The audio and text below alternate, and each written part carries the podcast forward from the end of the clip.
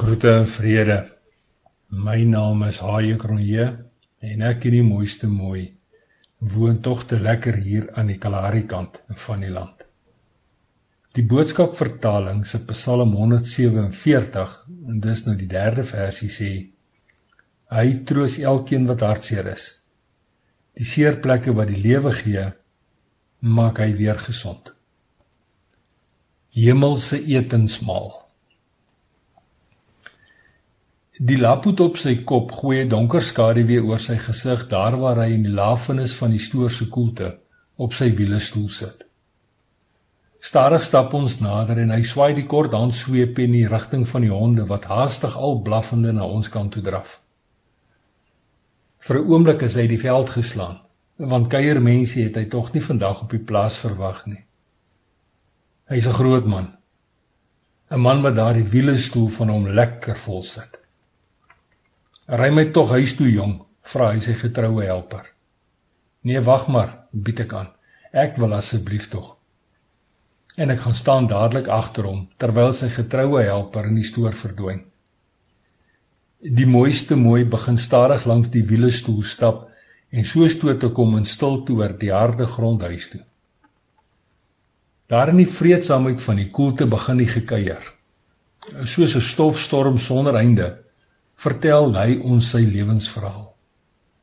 'n Verhaal vol sukkel en genade, siekte en genade, genesing en genade, hartseer en genade. En dan is dit net genade, genade, terugslag en nogmals genade. Soal asof genade hulle verbygevat het en nou vir hom en sy wederhelfte wag waar hulle ook al gaan. Hy praat alleen, onverpoost en aanhoudend. Onverwags begin hy vertel van vernielde gistergoed wat net onder die oppervlakte van sy en sy wederhelfte se binnekant lê. Versigtig ontbloot hy laag vir laag hulle brose binnevoerings.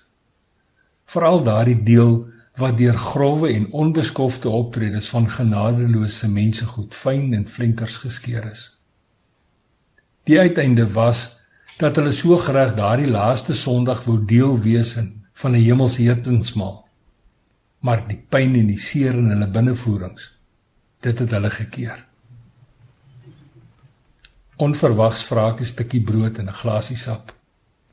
Met hulle vingers in een gestrengel soos verliefde skoolkinders, sit die oom en die tannie en kyk kort kort vir mekaar. Die opgewondenheid in sy poeierblou oë blink soos 'n helder suiderkruis. Dis nou in die donker nag en die tannie se glimlag lê wyd. Baie wyd. Vader het gehoor, fluister hy liefdevol in haar rigting.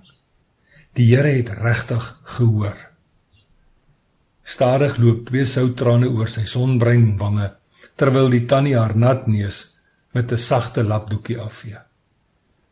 'n Klein stukkie wit winkelbrood word stadig na sy mond gebring, en kort na die bekende neem, eet.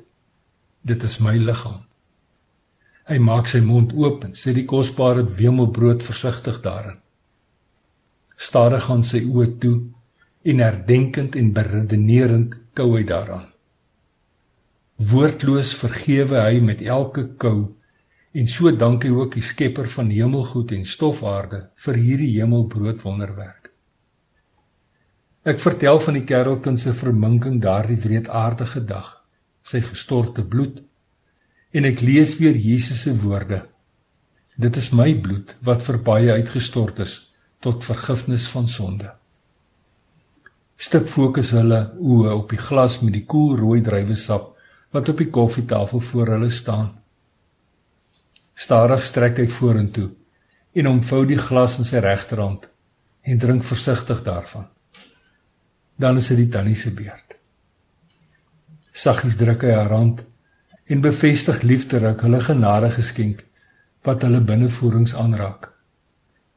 Hy kyk diep haar in die oog, glimlag breed en herinner haar met 'n krakende stem aan gisteraand se smeekgebed op hulle vasgekluisterde dubbelbed die gebed om net nog eenmaal deel te kan hê aan 'n hemelspys en hemeldrank etensmaal. Nou ja toe. Tot 'n volgende keer. Mooi loop en sandkorrel by seëninge.